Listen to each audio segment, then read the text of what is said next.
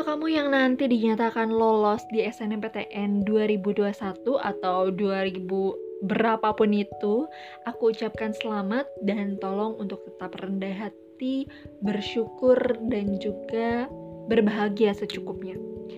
Dan teruntuk kamu yang belum berkesempatan untuk lolos di SNMPTN tahun 2000 berapapun itu, aku harap tolong jangan patah semangat karena masih banyak jalur lain yang bisa kamu coba. Dan selamat datang di podcast aku di episode Rasanya Kuliah yang mana sebenarnya sharing-sharingan aku seputar perkuliahan sudah pernah aku unggah di YouTube aku. Cuma aku ingin memfasilitasi kalian yang lebih nyaman untuk uh, mendengarkan audio saja tanpa terdistraksi oleh gambar-gambar begitu ya. Aku harap sharing atau berbagi pengalaman aku di episode kali ini itu bermanfaat dan bisa kalian ambil hikmahnya, buang negatifnya, dan juga bisa kalian bagikan sebanyak-banyaknya ke teman kalian yang membutuhkan. Aku ingin berbagi, aduh bagus banget ya. Jadi kita di sini santai aja ya. Aku pengen berbagi pengalaman gagal aku di SNMPTN tahun 2016 tapi sebelum uh, kita to the point kenapa aku gagal SNMPTN 2016 aku pengen uh, opening dulu. Aku pengen basa-basi dulu.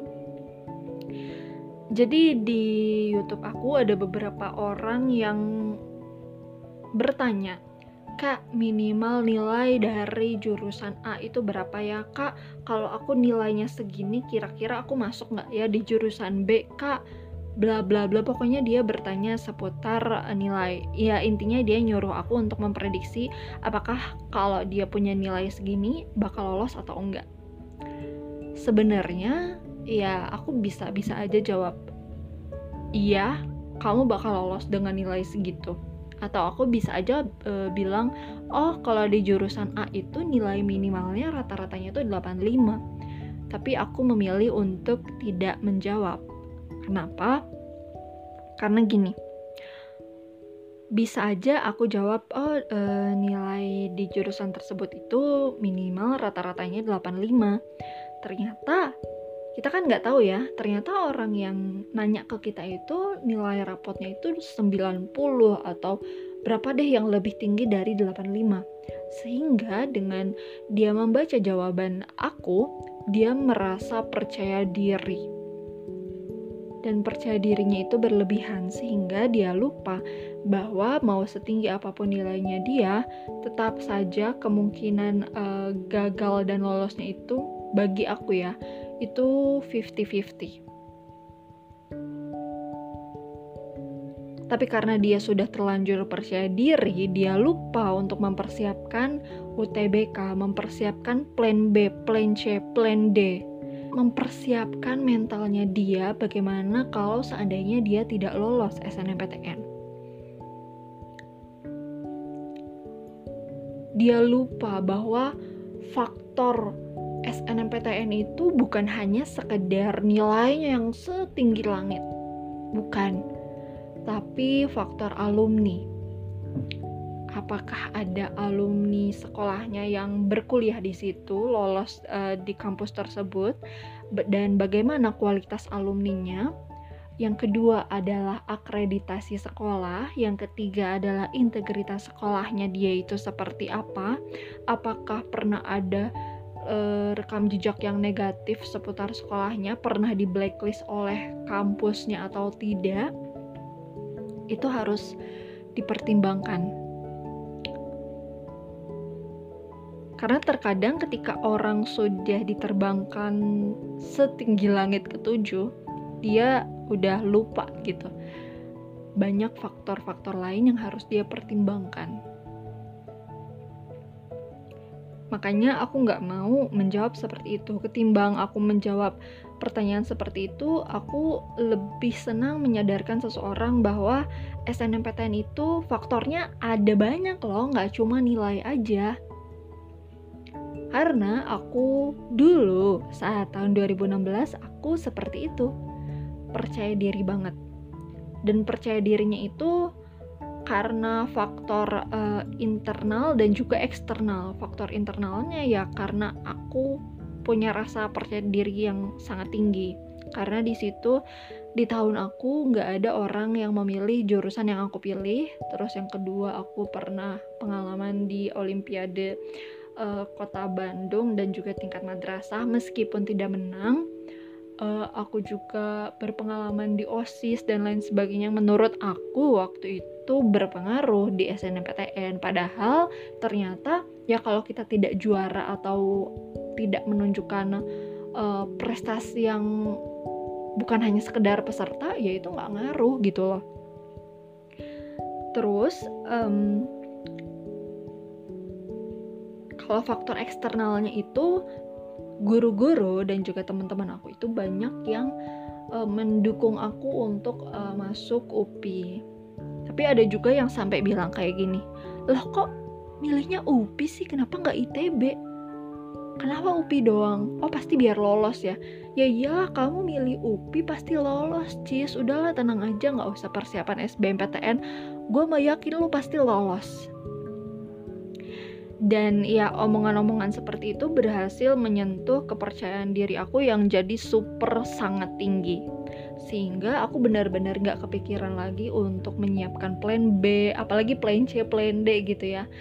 Dan bahkan aku nggak ada tuh bayangan bahwa aku bakal gagal SNMPTN Iya berdoa sih berdoa. Tapi ya kalau aku inget berdoanya standar aja lah. Nggak yang berdoa gimana-gimana gitu Sampai akhirnya aku itu ditampar oleh kenyataan yang menyatakan bahwa aku tidak lolos SNMPTN di tahun 2016.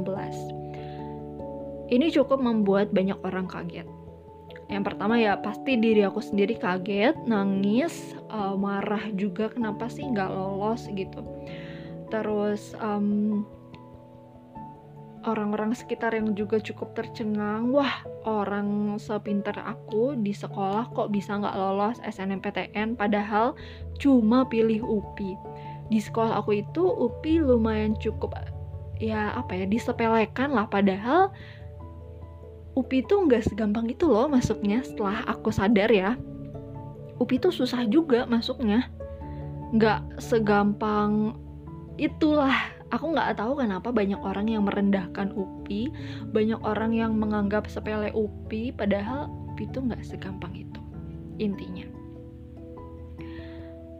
Dan di kelas aku itu cuma satu orang yang lolos SNMPTN, yang lainnya gagal.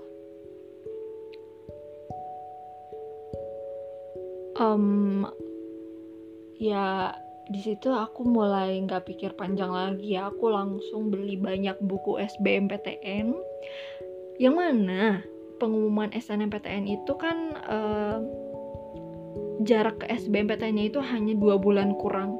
Jadi intinya aku cuma punya waktu dua bulan kurang untuk menyiapkan SBMPTN dan aku tuh bener-bener nol guys. Maksudnya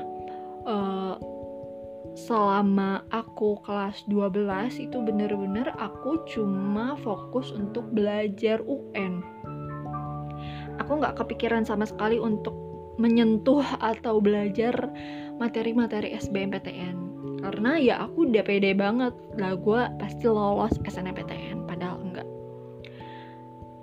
Dan karena aku nggak mempersiapkan apa pun untuk SBMPTN aku juga nol banget dong soal strateginya.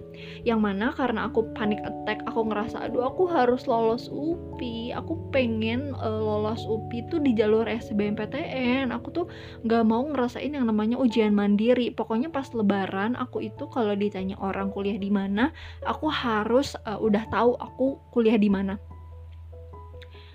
tapi karena aku nggak tahu kan strategi belajar SBMPTN yang benar itu seperti apa, ya karena aku panik attack juga, jadi aku belajar seluruh materi dari kelas 10. Ya, dari kelas 10. Meskipun itu banyak banget, tapi aku nekat untuk belajar sedetail mungkin dari materi kelas 10. Dan ya kalau sekarang kita pikirkan lagi di kondisi aku yang sekarang secara rasional gitu aku udah bisa berpikir berpikir rasional nggak mungkin aku bisa mengejar semua materi dari kelas 10 sampai kelas 2 sebanyak itu dalam waktu dua bulan kurang. Meskipun aku nggak tidur 24 jam itu bakal tetap kurang. Yang ada nanti jatuhnya itu aku bakal menghafal jawaban-jawaban yang telah aku pelajari, bukan konsepnya. Ya. Tapi di situ ya udah aku tetap uh, percaya bahwa Allah tuh pasti ngelihat kok perjuangan hambanya seperti apa. Tapi ya kalau salah strategi ya tetap aja salah gitu ya, nggak akan mempan. Sampai akhirnya, hmm, di minggu kedua aku belajar SBMPTN itu aku ngerasa mulai mulai-mulai ngerasa nggak akan mungkin kekejar semua materi yang aku inginkan tuh nggak mungkin. Akhirnya aku uh, mulai komit oke okay deh kayaknya aku cuma mau belajar uh, beberapa mata pelajaran aja kayak matematika uh, bahasa Indonesia bahasa Inggris dan juga TPA untuk biologi fisika kimia itu aku belajar seadanya aja. Karena aku ngerasa juga selama aku di sekolah aku uh, kurang paham materi itu. Kurang apa ya kurang pro deh. Aku tuh pronya di matematika gitu. Aku ngerasanya kayak gitu. Jadi aku ngejar pelajaran yang aku bisa aku keotakan aja gitu. Nah ada satu kekesalan yang membuat aku menyesal sampai sekarang. Jadi di TPA waktu tahun aku itu diprediksi bakal keluar anonim dan sin dan sinonim. Itu gampang banget lah ya kayak ya cuma ngapal-ngapalin aja gitu dan uh, ya udah aku hafalin tuh sinonim antonim karena katanya di TPA itu juga paling banyak keluar ya materi tersebut nggak kenal waktu tuh aku kayak ngomong sendiri aja sinonim dari ini adalah ini antonim dari ini adalah ini sampai kayak aku tuh udah hafal aku jadi bisa nebak-nebak oh sinonim dari ini tuh ini oke okay. jadi inget sendiri gitu di luar kepala nah oke okay, singkat cerita di hari HSBPTN ya aku berangkat seperti biasa deg-degan uh, udah bawa peralatan yang lengkap segala macam diantar orang tua pastinya. Karena emang rata-rata uh, pas aku nyampe lokasi SBMPTN juga anak-anak tuh pada diantar orang tuanya. Ya karena pasti banyak lah ya orang tua yang pengen ikut uh, nemenin anaknya, ikut ngedoain anaknya dari deket, pengen nenangin anaknya gitu. Karena uh, banyak orang yang berasumsi juga bahwa SBMPTN tuh harus jadi landasan terakhir, harus jadi tujuan terakhir dari penentu kita lolos atau enggak gitu. Jadi intinya tuh orang nggak pada mau untuk nyoba ujian mandiri. Kalau nggak lolos SBMPTN ya udahlah mending swasta aja atau mending tahun depan kuliahnya. Uh, sampai lokasi aku nggak ada kenalan baru atau hal spesial apa pun sih. Karena ya namanya juga orang pada tegang ya pada ambis pada um, antara hidup dan mati istilahnya ya. Jadi ya nggak sempet ngobrol-ngobrol aku nunggu aja di dalam kelas seperti biasa paling ya nyemil-nyemil dikit berdoa ya udah gitu sampai akhirnya petugas SBMPTN atau panitia SBMPTN itu datang di kelas aku dan membagikan soal yang pertama jadi di situ ada sesi pertama, sesi kedua. Sesi yang pertama itu pelajaran apa-apa dulu, terus yang sesi kedua itu TPA dan apa ya matematika dasar kalau nggak salah. Oke, okay, aku kerjakan soal-soal di sesi pertama dengan agak sedikit meringis karena soalnya lumayan susah cuy dan mirip-mirip soal olimpiade gitulah. Ya udah, aku pasrah aja, aku lahaula dan salahnya aku di situ adalah kan SBMPTN itu ada sistem minus ya kalau salah minus satu kalau nggak diisi nol kalau bener ya plus satu tapi di situ tuh aku dengan kayak masih percaya dirinya aku mengisi soal yang aku tuh ragu-ragu ini jawabannya bener atau enggak ya. Tapi aku percaya banget sama insting aku bahwa ini bener kalau secara logika ini bener insya Allah bener akhirnya aku isi. Padahal aku tidak mengerjakan aku tidak menjawab soal tersebut dengan rumus. Cuy itu aduh jangan ditiru ya itu kesalahan fatal. Karena ya kemungkinan besar kalau lo cuma modal nebak doang kemungkinan besar itu salah. Dan ya udah skip skip skip skip. Sampailah di sesi kedua di mana aku harus mengerjakan TPA dan juga matematika dasar. Dan boom kamu tahu apa? Soal anonim antonim tidak keluar sama sekali di SBMPTN saat itu. Padahal sudah diprediksi katanya bakal pasti bakal keluar pasti pasti pasti. Setiap aku lihat uh, diprediksi di mana pun itu anonim sinonim itu pasti keluar. Tapi kenyataannya tidak. Aduh, ini mah udah emosi gitu ya, udah aduh segala kata umpatan kayaknya mau keluar gitu. Tapi ya udah aku harus tetap tenang. Aku kerjain aja sebisa aku. Dan ya udah aku pulang deh. Karena udah selesai mengerjakan ceritanya. Kondisi aku waktu itu 50-50 tidak sepercaya diri saat SNMPTN aku masih percaya diri aku bakal lolos SBMPTN tapi kayaknya bukan di pilihan pertama tapi di pilihan kedua. Karena waktu itu ya jawaban aku yang dari hasil ngitung dan juga hasil tebak-tebakan tuh ya lumayan banyak juga. Jadi aku berharap masih bisa lolos walaupun di pilihan kedua gitu. Tapi boom boom boom boom boom boom boom pas pengumuman SBMPTN ternyata ya aku tidak lolos lagi guys. Sedih ya sedih tapi tidak sesedih waktu SNMPTN um, karena aku pengen banget masuk UPI akhirnya aku mencoba jalur terakhir yaitu jalur ujian mandiri. Alhamdulillahnya orang tua aku support banget untuk aku ikut uh, jalur mandiri. Sempet waktu itu kepikiran untuk nyoba swasta aku udah kayak uh, ngambil-ngambil brosurnya ngeliat-ngeliat biayanya terus milih-milih jurusannya. Cuma kata orang tua aku kalau emang kamu pengen masuk ke negeri coba kejar dulu jangan punya ban serep dulu. Karena kan kalau swasta itu pendaftarannya masih panjang. Kalau emang nanti iya saat ujian mandiri kamu gagal nah baru kamu boleh uh, coba swasta.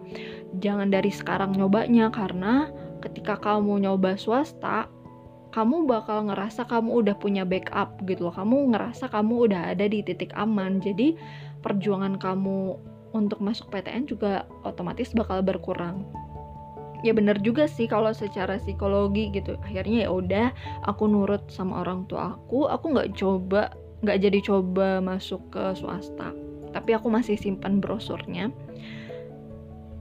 Di situ aku kesombongan aku ya udah mulai hilang udah mulai tuh nggak ada rasa kayak percaya diri semuanya aku serahkan sama Allah Subhanahu Wa Taala. Aku berdoa perbanyak sholawat gitu. Karena kebetulan nih kebetulan nih aku pengen sharing juga. Kebetulan di beranda sosial media aku itu muncullah Wirda Mansur yang lagi sharing bahwa ketika kamu pengen sesuatu coba perbanyak sholawat. Tapi uh, maksudnya niat kamu saat bersolawat itu jangan hanya karena gue lagi pengen sesuatu makanya gue banyak-banyak solawat tapi kamu juga harus tahu esensi dan makna dari solawat itu sendiri itu apa. Tujuannya tuh harus baik dan benar. Jangan apa ya jangan kalau kasarnya sih jangan merendahkan esensi atau makna dari solawat itu sendiri gitu. Lurusin dulu niatnya.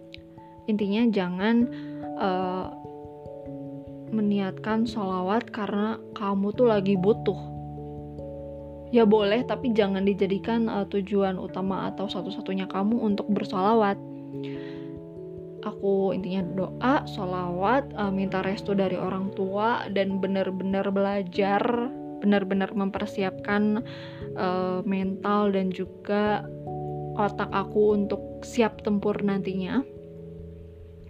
Dan ya, alhamdulillah aku lolos di jalur mandiri.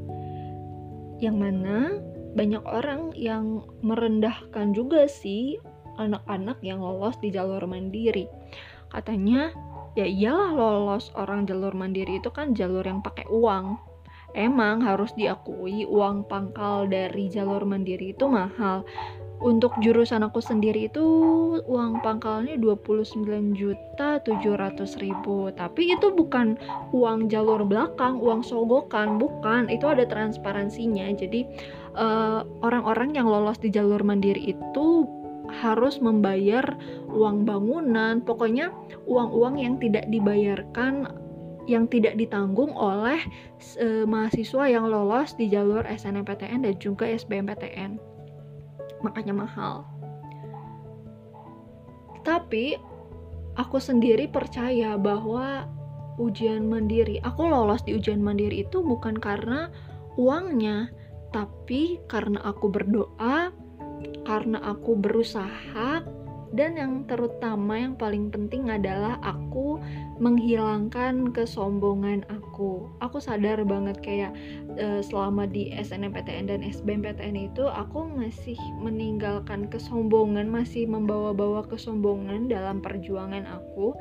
Sehingga ya gini walaupun SNMPTN dan SBMPTN itu dinilai oleh panitia kita harus tetap percaya bahwa apa pun itu kegiatannya, apa pun itu uh, jalur masuknya, tetap pasti ada campur tangan Allah Subhanahu wa Ta'ala. Jadi, mungkin Allah melihat, duhnya anak sombong banget gitu kan, padahal udah jelas-jelas kita itu nggak boleh punya kesombongan walaupun sebesar biji zarah gitu ya. Jadi, mungkin Allah tidak uh, mengizinkan aku, belum mengizinkan aku untuk lolos di jalur SNMPTN dan SBMPTN. Belum lolos aja sombongnya udah segitu ya, gimana kalau lolos? Akhirnya aku lolos di jalur mandiri dan uh, kalau dibilang semua orang yang coba jalur mandiri pasti lolos enggak. Buktinya ada temen deket aku yang dia coba jalur mandiri tapi nggak lolos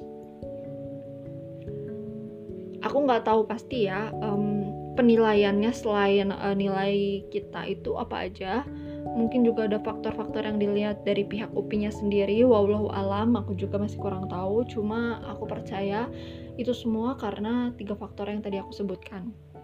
Hilangnya kesombongan aku uh, aku belajar dan berdoa dan apa ya mungkin memang udah rezekinya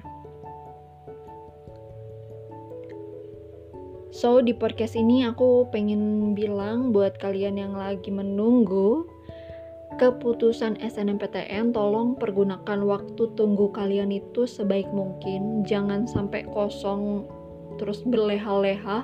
Kalian nggak tahu di 22 Maret nanti hijaukah apa merahkah. Mau itu kalian udah pede banget hijau, tetap please uh, apa ya rencanakan plan B dari sekarang. Karena itu nggak akan rugi nggak akan makan waktu kalian yang banyak. Dan ya menurut aku masih lebih banyak manfaatnya daripada kalian berleha-leha. Jangan kebanyakan overthinking um, kak kira-kira nilai segini aku masuk nggak ya? Kak nilai aku segini aman nggak ya? Jangan banyak nanya kayak gitu. Daripada nanya kayak gitu mending kalian daftar lupakan terus belajar untuk UTBK itu sih pesan dari aku karena menurut aku kalian cukup belajar dari pengalaman kegagalan aku di tahun 2016 dan jangan diulangi lagi. Buka lembaran yang lebih bagus dari apa yang aku lakukan.